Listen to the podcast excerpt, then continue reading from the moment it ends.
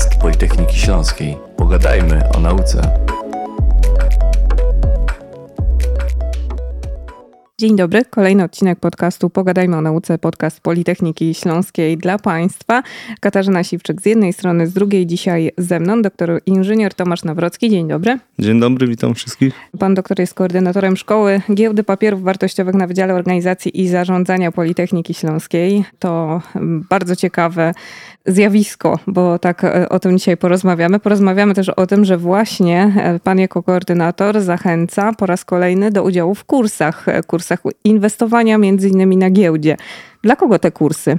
Generalnie dla wszystkich. Giełda, tam kilka ma tych kursów. Właściwie fundacja giełda, a nie giełda, bo, bo to są niezależne Mm, jakby od siebie jednostki. Jest kurs taki podstawowy z podstaw inwestowania i to teraz właśnie w przyszły weekend y, możliwe, że się, jeśli grupa się uzbiera, to się odbędzie w formie online'owej przez nasz ośrodek prowadzony. E, są kursy dla średnio zaawansowanych, to już są jakby takie trochę rozszerzone informacje. E, są warsztaty z inwestowania, tylko to są kursy realizowane w Warszawie, e, ale też w formie chyba online'owej to się, to się odbywa. Zresztą wszystko można na stronie giełdy szkołagiełdowa.pl, jak się wpisze, to, to tam wszystkie informacje o tych kursach są. Są też takie ogólne kursy z finansów osobistych. To jest też taki obszar finansów, który w ostatnich latach się szczególnie dynamicznie rozwija. No bo to są już takie e, kwestie szersze, nie tylko związane z samym inwestowaniem, ale generalnie z podejmowaniem różnych decyzji e, w obszarze finansów. Czego można się dokładnie nauczyć na takim kursie, który jest prowadzony tutaj na Politechnice Śląskiej? Znaczy przede wszystkim to są takie ogólne informacje odnośnie tego, jak w ogóle rynek kapitałowy funkcjonuje, co to w ogóle jest ten rynek kapitałowy, jakie instrumenty finansowe są dostępne do nabycia na, na giełdzie papierów wartościowych, jak to jest wszystko zorganizowane, czyli jak inwestor jakby przychodząc z ulicy, gdzie ma iść, tak, co, co a co zrobić, by móc te transakcje zawierać. No i są takie bardziej praktyczne tematy związane z analizą spółki, z e, analizą spółki od strony takiej finansowej, czyli czytanie sprawozdań finansowych i wycena. Są tematy związane z analizą techniczną, czyli analizą wykresów notowań, e, z analizą portfelową, no i na tych e, kursach z, dla średnio zaawansowanych też e, od tego roku szerzej wchodzi tematyka psychologii inwestowania. To jest taki aspekt e, bardzo często traktowany tak trochę po macoszemu, a no z mojego już przeszło 20-letniego doświadczenia stwierdzam, że to jest kluczowa kwestia. Czyli... O tym się zapomina, a, a to jest, od tego wszystko zależy. To jest ważne. Kiedy ryzykować i dlaczego mm, czasem powiedzieć nie? Dokładnie, ale to, to, nawet, y, to nawet y, nie tyle chodzi o, o kwestię ryzykowania, tylko y, jakby czytania samego siebie. Ja tak zawsze pół żartem, pół serio mówię, że każdy z nas ma taki autodestruktor wbudowany w swojej głowie i sam tego doświadczam, bo to, to że a no jakąś tam wiedzę większą niż przeciętny człowiek mam w tym zakresie, to nie oznacza, że dokonuję tylko i wyłącznie zyskownych transakcji też tych transakcji takich e, stratnych się, się e, dużo pojawia, jakichś błędów, które, które czasami no, dużo kosztują. Natomiast kwestia jest taka, że e, najczęściej w momencie, jak dobrze nam idzie, i wydaje nam się, że już jakby rozpracowaliśmy system, że już tylko będzie wspaniale, to to jest zazwyczaj ten moment, w którym po prostu zaczyna się wszystko sypać. Możemy popłynąć. Dokładnie. Znaczy, nie, no, popłynąć to już później, ale my na początku nie, nie widzimy jakby, że coś poszło nie tak, a w pewnym momencie po prostu już jest za późno, już mam taką blokadę psychiczną, żeby, żeby się wycofać nie chcemy tej straty zaakceptować, no i ta strata się tylko powiększa. To może zacznijmy od zera. Jasne. od zera do bohatera, czyli e, od czego zacząć? E, kto może właściwie e, zacząć inwestowanie? Bo my, jeśli mówimy o inwestowaniu, myślimy o pieniądzach i od razu nasuwa się pytanie, to ile muszę mieć, żeby w ogóle wystartować? Bez znaczenia. No znaczy, dwa złote chyba nie znaczy, wystarczy. No dwa złote może nie wystarczy, ale, ale w, generalnie im szybciej zaczniemy, im mniejszymi kwotami, tym mamy szansę na to, że te y, błędy, bo, bo na pewno jakieś błędy, to ile byśmy się nie naoglądali jakichś poradników i nie naczytali książek, to i tak jakieś tam błędy, błędów nie unikniemy. Więc y, lepiej te błędy na mniejszych kwotach popełnić i się czegoś nauczyć, niż y, zacząć z jakimiś dużymi kwotami i od razu na dzień dobry popłynąć i się już zblokować na amen. Także no ja zachęcam do tego, żeby jak najszybciej a tą przygodę z giełdą zacząć. Zresztą w dzisiejszych czasach mamy różnego rodzaju symulatory giełdy. Na giełdzie papierów wartościowych jest taka aplikacja GPW Trader, gdzie, gdzie mamy taki właśnie symulator e, giełdowy w czasie rzeczywistym. Można sobie tam e, założyć rachunek i dokonywać takich wirtualnym kapitałem transakcji, żeby zobaczyć, czy nasza, nasze podejście inwestycyjne się, się sprawdza, nie sprawdza, z jakimi to się wiąże ryzykami i tak dalej, i tak dalej. A zresztą też są takie, poza giełdą papierów wartościowych, takie symulatory na innych stronach, także jest tego naprawdę dużo. Natomiast no, generalnie musimy wpierw rachunek maklerski otworzyć, to jest jakby pierwsza rzecz, jaką trzeba wykonać, więc trzeba y, z biurem maklerskim, wybrać biuro maklerskie przede wszystkim, no i tutaj to jest pierwszy taki e, ważna decyzja, dlatego że te e, biura maklerskie mają bardzo różne oferty. Więc e, tutaj warto sobie zadać sobie trochę czasu, trochę trudu, żeby po prostu te strony odwiedzić, zobaczyć, jakie są aplikacje do, do notowań, do składania zleceń, czy ogarniamy to, czy nam to pasuje wizualnie. Ważna kwestia opłaty no bo są takie y, biura maklerskie, gdzie pobiera się opłatę za prowadzenie e, rachunku w ujęciu rocznym. Druga kwestia to są prowizje. Tutaj też bardzo różnie sytuacja wygląda. Są takie biura maklerskie, gdzie, gdzie te prowizje są większe, mniejsze. Ostatnio nawet jeden z brokerów takich działających najbardziej agresywnie, to nawet dla tych mniejszych inwestorów bez prowizji dopuszcza zawieranie transakcji, więc tutaj naprawdę mamy bardzo duże zróżnicowanie.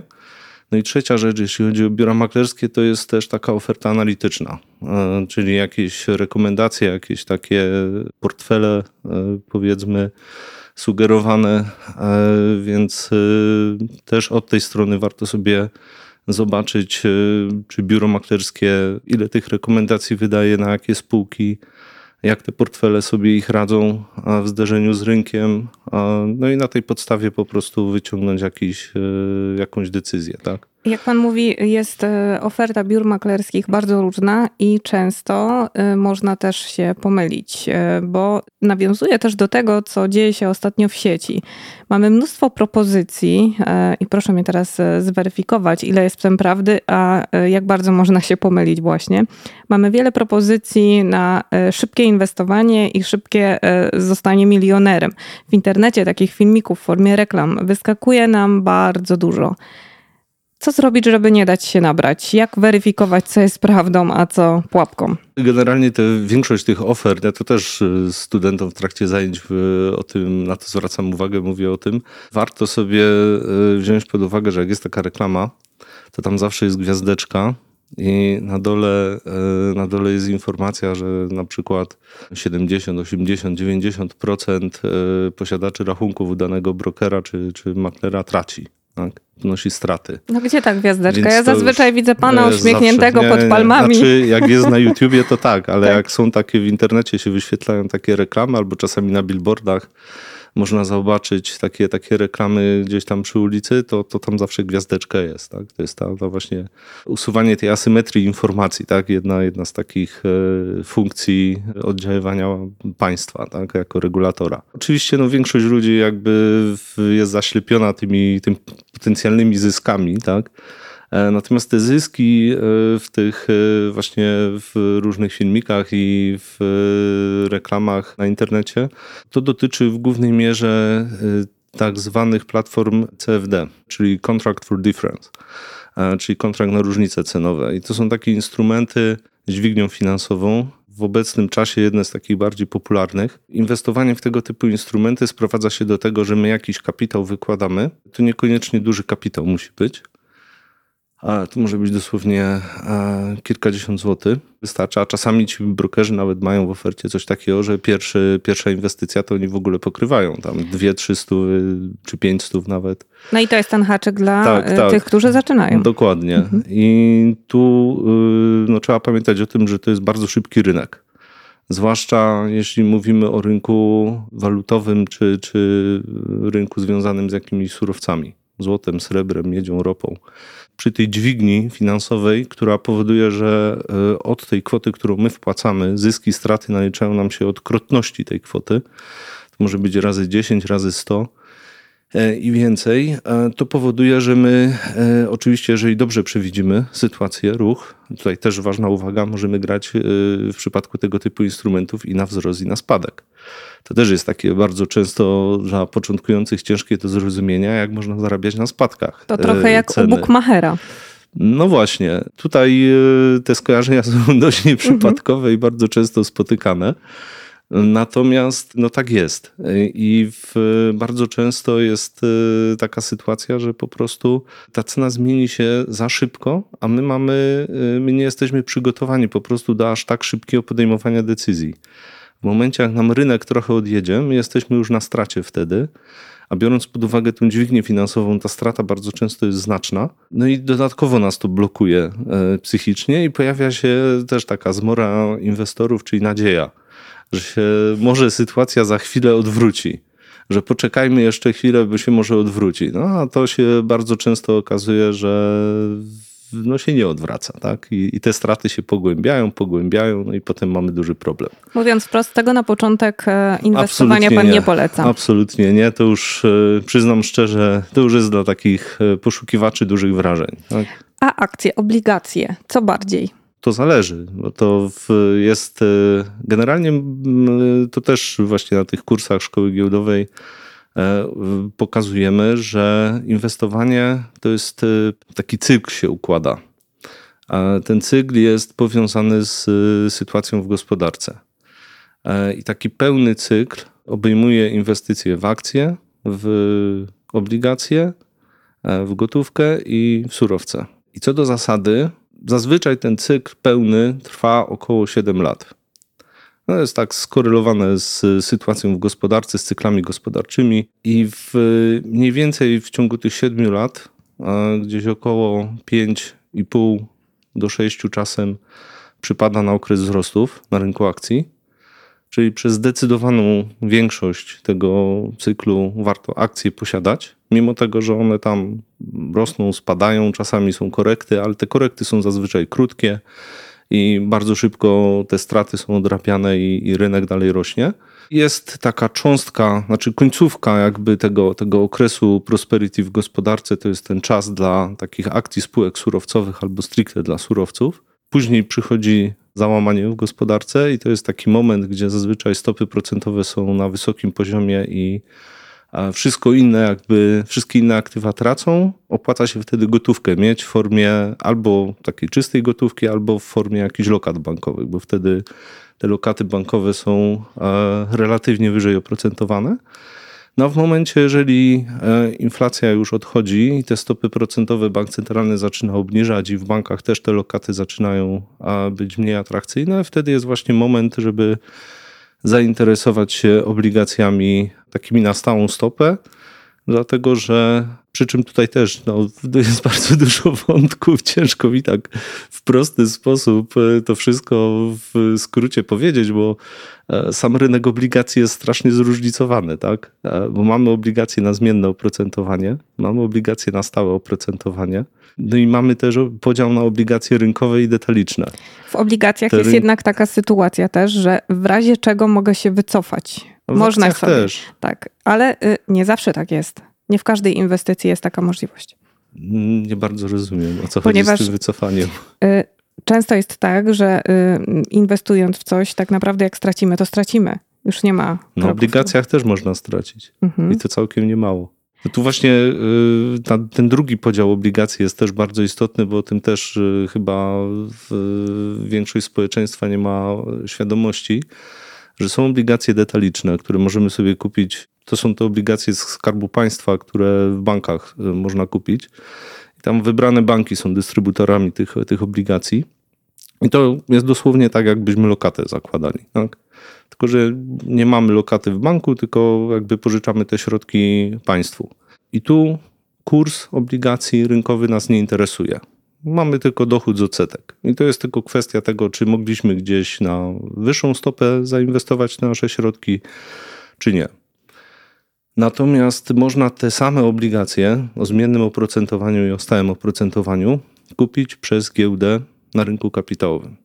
I tam do tego aspektu, do tego możliwego zarobku z odsetek dochodzi nam zmiana kursu. No i tutaj w przypadku obligacji o zmiennym oprocentowaniu te zmiany kursu rynkowego są niewielkie. Zazwyczaj to jest tam plus minus 1, 2, 3% w porywach. E, natomiast w przypadku tych obligacji o stałym oprocentowaniu, jak mieliśmy teraz taką sytuację, że mocno stopy procentowe wzrosły, to kursy tych obligacji spadło przeszło 50%. Więc to już jest taka realna strata, którą możemy ponieść. Oczywiście teraz, jak się sytuacja odwraca i ta inflacja się ogranicza, stopy procentowe też od zeszłego roku, tam pierwsza obniżka była, no to te kursy obligacji o stałym oprocentowaniu teraz zawracają i pozwalają na e, relatywnie większy zarobek. Tak? To są takie zwroty na samym kursie, rzędu 10% w skali roku. Kiedy borykamy się z inflacją i sytuacja jest jaka jest, to pewnie często słyszy pan e, pytanie, e, czy w ogóle w coś inwestować, jeśli tak, to w co? No oczywiście, w instrumenty, które nas chronią przed tą inflacją. No i tutaj jednym z lepszych instrumentów są e, obligacje indeksowane inflacją. Przyznam szczerze, mi się trochę śmiać chciało w te dwa lata temu, jak e, głównie e, wśród polityków tam była wielka afera o to, że, że Polacy tracą oszczędności swojego życia na inflacji, tak, że, że, że tutaj rząd powinien wprowadzić instrumenty, które pozwolą ochronić temu przysłowiowemu Kowalskiemu czy Nowakowi jego oszczędności, a, a tym bardziej, no, sytuacja wyglądała tak, że te instrumenty od dawna były, tak? tylko trzeba było o tym wiedzieć, że one są. Te obligacje indeksowane inflacją można sobie w banku normalnie kupić, tak? zapisać się, kupić, przy czym one działają na takiej zasadzie, że no tu się też trzeba trochę wiedzą wykazać, że musimy oczekiwać, że ta inflacja będzie, dlatego że tam w tych obligacjach to są obligacje albo na 4 lata, albo na 10 lat. I pierwszy rok to jest stały kupon. I ten stały kupon jest wyznaczany jakby na podstawie bieżącej, e, bieżącego oprocentowania na rynku. Więc jeżeli my się spodziewamy, że inflacja będzie ruszy jakoś tam w perspektywie roku czy dwóch lat, to my wtedy sobie zaczynamy, e, kupujemy takie obligacje, no już jesteśmy przygotowani, tak? Bo jak już będzie ten drugi okres odsetkowy, no to wtedy kupon jest już ustalany w oparciu o właśnie wskaźnik inflacji, plus tam jeszcze marża dodatkowa tam w wysokości procenta tak, y, dodatkowego. Więc w momencie, jak już inflacja była wysoka, i klienci się wtedy dopiero decydowali na te obligacje, no to ten pierwszy kupon mieli na poziomie tam powiedzmy 4-5%, tak? A ci, którzy rok wcześniej te obligacje już kupili przewidując, no to już mieli kupon na przykład 17 no to jednak jest różnica, prawda? Już nas tak pan e, powolutku wciąga w ten e, świat e, inwestowania. U pana jak to się zaczęło, ta pasja, to zamiłowanie? Bo z pewnością pojawiły się jakieś fascynacje, być może jakiś film Wilk z Wall Street, czy panowie w krawatach, którzy śledzą te mierniki. No ja, ja dość dawno zaczynałem, co był gdzieś, nie wiem, wiem 96, 7 rok 1900 oczywiście. No i u mnie się to tak w sumie zaczęło dość zabawnie, dlatego że były, były wtedy jakieś mistrzostwa w Europie albo świata w piłce nożnej. I namiętnie z kolegą do Bookmachera chodziliśmy obstawiać wyniki. A jednak. I rodzice się przestraszyli, że, że w jakiś nauk wpadnę.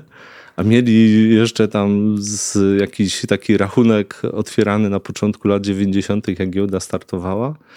No i stwierdzili, wiesz co, to jak już masz się w takie te bawić, to lepiej tutaj e, damy ci ten rachunek i, i tam sobie działaj, bo to też jest e, hazard, takie mieli wyobrażenie, ale przynajmniej jakiś bardziej logiczny i mniej taki losowy niż, e, niż obstawianie tych wyników. No i tak się zaczęło, no i tak bakcyla załapałem i, i poszło, tak. Przy czym no to były w ogóle specyficzne czasy wtedy, bo się wchodziło do księgarni po, po jakąś książkę, człowiek chciał się czegoś dowiedzieć, to była jedna półka w księgarni z tymi książkami o inwestowaniu i to czasami nawet niepełna. I praktycznie każda jedna książka była wartościowa, że, że jakieś tam treści były takie, które faktycznie coś człowiekowi dawały. No a dzisiaj wchodzimy, mamy cały regał, ale no, trzy czwarte pozycji to, to, to są takie, gdzie de facto to jest kopiowanie tego samego przez różnych autorów. Tak? Ale I... dzisiaj pan tę wiedzę też e, przekazuje e, kolejnym pokoleniom. Są studenci na przykład i e, zastanawiam się tutaj nad, na Politechnice Śląskiej, po co inżynierowi jest taka wiedza? Znaczy mi się wydaje, że generalnie wiedza z zakresu finansów każdemu jest potrzebna. Niezależnie. To jest dokładnie, to jest e, każdy, każdy chce, co by nie robił, chce w życiu jakiś tam sukces osiągnąć. E, bardzo często ten sukces jest e, mierzony pieniędzmi, no i z tymi pieniędzmi trzeba wiedzieć, co zrobić, tak? Oj, tutaj to, to materialne podejście się teraz odezwało. No tak, no ale ono, ono w naszym świecie jednak jest takim dominującym, tak? To niezależnie od tego, no to jest tak, jak się mówi o pieniądzach, tak? Że, że może pieniądze szczęścia nie dają, ale warto je mieć, tak? I, a, jeszcze, a jeszcze lepiej wiedzieć, co z nimi robić, tak? A co z nimi zrobić tutaj na, na Politechnice? Pan jest koordynatorem tego e, projektu współpracy właśnie z giełdą e, papierów wartościowych. E, ta współpraca nie zaczęła się wczoraj. No nie. W Giełda kiedyś miała taki pomysł kilka lat temu, jeszcze przed COVID-em, żeby zaangażować e, więcej ośrodków naukowych w organizację tych, tych kursów, bo, bo one od lat. E, ja sam uczestniczyłem w takim e, kursie szkoły giełdowej jeszcze pod koniec swoich studiów, czyli gdzieś tam okolice początku lat 2000. Potem była jakaś tam przerwa w organizacji tych kursów, no i właśnie w nowej formule te kursy wystartowały gdzieś tam powiedzmy z jakieś 10 lat temu, przy większym zaangażowaniu właśnie różnych ośrodków akademickich w Polsce. E, no i na początku te kursy stacjonarnie się głównie odbywały i kilka tych kursów na Wydziale Organizacji Zarządzania udało nam się zrealizować, tam chyba pięć czy sześć. No później COVID, e, pandemia, lockdowny, e, jeden kurs online'owy e, w czasie pandemii zorganizowaliśmy, natomiast no teraz, teraz staramy się jakby do tego wrócić, ale, ale dość ciężko to idzie. Mamy bardzo dużą konkurencję tutaj ze strony YouTube'a i, i różnych, różnych właśnie takich domorosłych tak. ekspertów inwestycyjnych. Ale po naszej, stronie, e, po naszej stronie e, stoi na pewno ta wartość merytoryczna. E, kurs będzie z końcem lutego pierwsza edycja, później mamy okazję w kwietniu, a potem jeszcze w czerwcu. Kogo by pan zachęcał w szczególności do udziału? To generalnie, tak jak mówiłem wcześniej, tutaj nie ma jakichś szczególnych ograniczeń. Tu każdy zainteresowany może przyjść na, na tych kursach, które udało nam się wcześniej organizować. Były nawet osoby niepełnoletnie, które z rodzicami e, przyszły się dowiedzieć tak, o inwestowaniu. E, były osoby, które wprowadzały spółki na giełdę. I e, mieliśmy taką sytuację, że, że zarząd jednej firmy przyszedł sobie na taki, na taki kurs e, i też opowiadał na tym kursie, jak tam właśnie wygląda organizacja tej oferty publicznej i e, jakie, jakie, mm, jak to, jakie etapy się przechodzi. No generalnie ludzie są bardzo różni. Naprawdę nie ma, nie ma ograniczeń. Zresztą ja tak może nawiążę. E, są takie badania organizowane przez Fundację Kronenberga e, z Bankiem Handlowym. E, to są takie cykliczne raporty o finansach Polaków. Postawy Polaków wobec finansów, tak to się nazywa. I co tam tak szczególnie uderza? No uderza to, że taki przeciętny Polak bardzo ciężko decyduje się na jakąkolwiek formę oszczędzania, inwestowania znaczy mówi, że, że trzeba, ale jak przychodzi już do czynów, to już ciężko z tym jest. A po drugie, jeśli się nawet decydujemy na takie oszczędzanie, to, to są stosunkowo niewielkie kwoty. Z rzędu tam większość, odpowie- większość odpowiedzi to było do 300 zł miesięcznie. Natomiast jak się popatrzymy na to, w co ci Polacy e, inwestują, jak inwestują, jak oszczędzają, I to też widać przez y, dane takie stricte finansowe z NBP mm, o strukturze y, gospodarstw domowych, y, ich nadwyżek. Największy udział to są rachunki bankowe, ewentualnie tam poza bieżącymi Konta- też jakieś oszczędnościowe. Mhm. lokaty. Na drugim miejscu jest gotówka. Czyli jednak trzymamy w skarpecie. Tak. A giełda to jest jakieś 2 do 5%. Szanowni Państwo, no, my za, zachęcamy, żeby jednak e, wybrać się na kurs, e, a nuż e, uda się i ta kariera od zera do bohatera może stoi przed Państwem otworem. Wierzy Pan w takie szybkie sukcesy? Znaczy w szybkie to może niekoniecznie, bo, bo to no, może się zdarzyć, że ktoś ma szczęście początkującego, tak? Uda się, się trafić. Natomiast tutaj trzeba sobie wyrobić pewną systematyczność, trzeba się dowiedzieć o pewnych kwestiach. Trzeba wiedzieć przede wszystkim, mm, jakie są te instrumenty, w które możemy inwestować, e, jaka jest ich specyfika, jakie, jakie są ryzyka z nimi związane, żebyśmy je do siebie, do swoich predyspozycji potrafili dostosować. Bo to też jest tutaj istotna kwestia, że każdy z nas ma inną skłonność do ryzyka. Są osoby, które po prostu wręcz mają totalną awersję do ryzyka. Jak stracą 2-3 złote, to już jest tragedia życiowa. Więc e, dla takich osób e, wszelkie takie e, produkty inwestycyjne związane z jakimiś większymi wahaniami, no to są naprawdę ciężkim przeżyciem.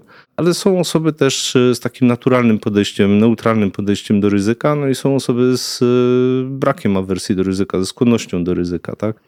Więc tutaj dla takich osób rynek kapitałowy, w tym ten segment związany z akcjami jest szczególnie korzystny. Tak? E, No i przede wszystkim też warto zwrócić uwagę, bo akcje nam się kojarzą z jakimiś dużymi wahaniami, tak? z dużymi skokami wartości, że można e, stracić. Natomiast e, ja zawsze e, proponuję wykonać takie ćwiczenie, sobie wejść na jakąś e, stronę, na przykład na, na stock.pl, odpalić sobie wykres e, różnych akcji mm, i dać sobie ujęcie interwał roczny, żeby nie patrzeć się na to, jak te akcje nam się z dnia na dzień, e, te wartości zmieniają, tylko patrzeć się na roczne zmiany. E, No i wtedy się okazuje, że e, bardzo duża część spółek notowanych na naszej giełdzie, niekoniecznie amerykańskiej, czy, czy niemieckiej, czy jakiejś innej, ale na naszej polskiej giełdzie, w tym ujęciu takim rocznym, ma ciurkiem rok w rok przez okresy 10 i więcej lat same dodatnie wyniki, same dodatnie stopy zwrotu. I bardzo często są to dwucyfrowe stopy zwrotu. Więc y, tutaj jest kwestia tego, żeby nie ulegać takiej, takiego, takiego, takim, takiemu momentum po prostu y, psycholodzicznemu, że emocje po prostu zaczynają nami e, kierować i przyczyniają się do tego, że my błędne decyzje inwestycyjne podejmujemy. Poza tym no jest też druga kwestia, że w ostatnich latach e, bardzo mocno rozwinął się rynek takich instrumentów jak ETF-y. ETF-y to są takie fundusze inwestycyjne, które są notowane na giełdzie. I one mają za zadanie replikować indeks. W normalnych warunkach my nie jesteśmy w stanie w indeks rynku zainwestować. Musielibyśmy sobie z tych poszczególnych akcji odpowiednio skonstruować portfel z odpowiednimi udziałami, oddającymi e, te udziały w indeksie.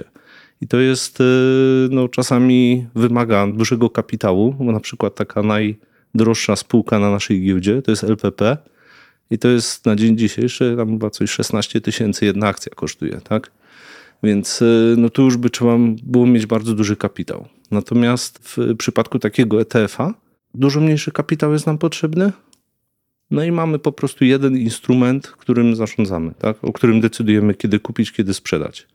No i warto zwrócić uwagę, że takim konkurentem ETF-ów są normalne fundusze inwestycyjne, które w akcje inwestują, a zarządzający za nas tak? e, podejmuje decyzje. Natomiast one są z punktu widzenia prowizji droższe od ETF-ów i bardzo często te fundusze akcyjne przegrywają z rynkiem.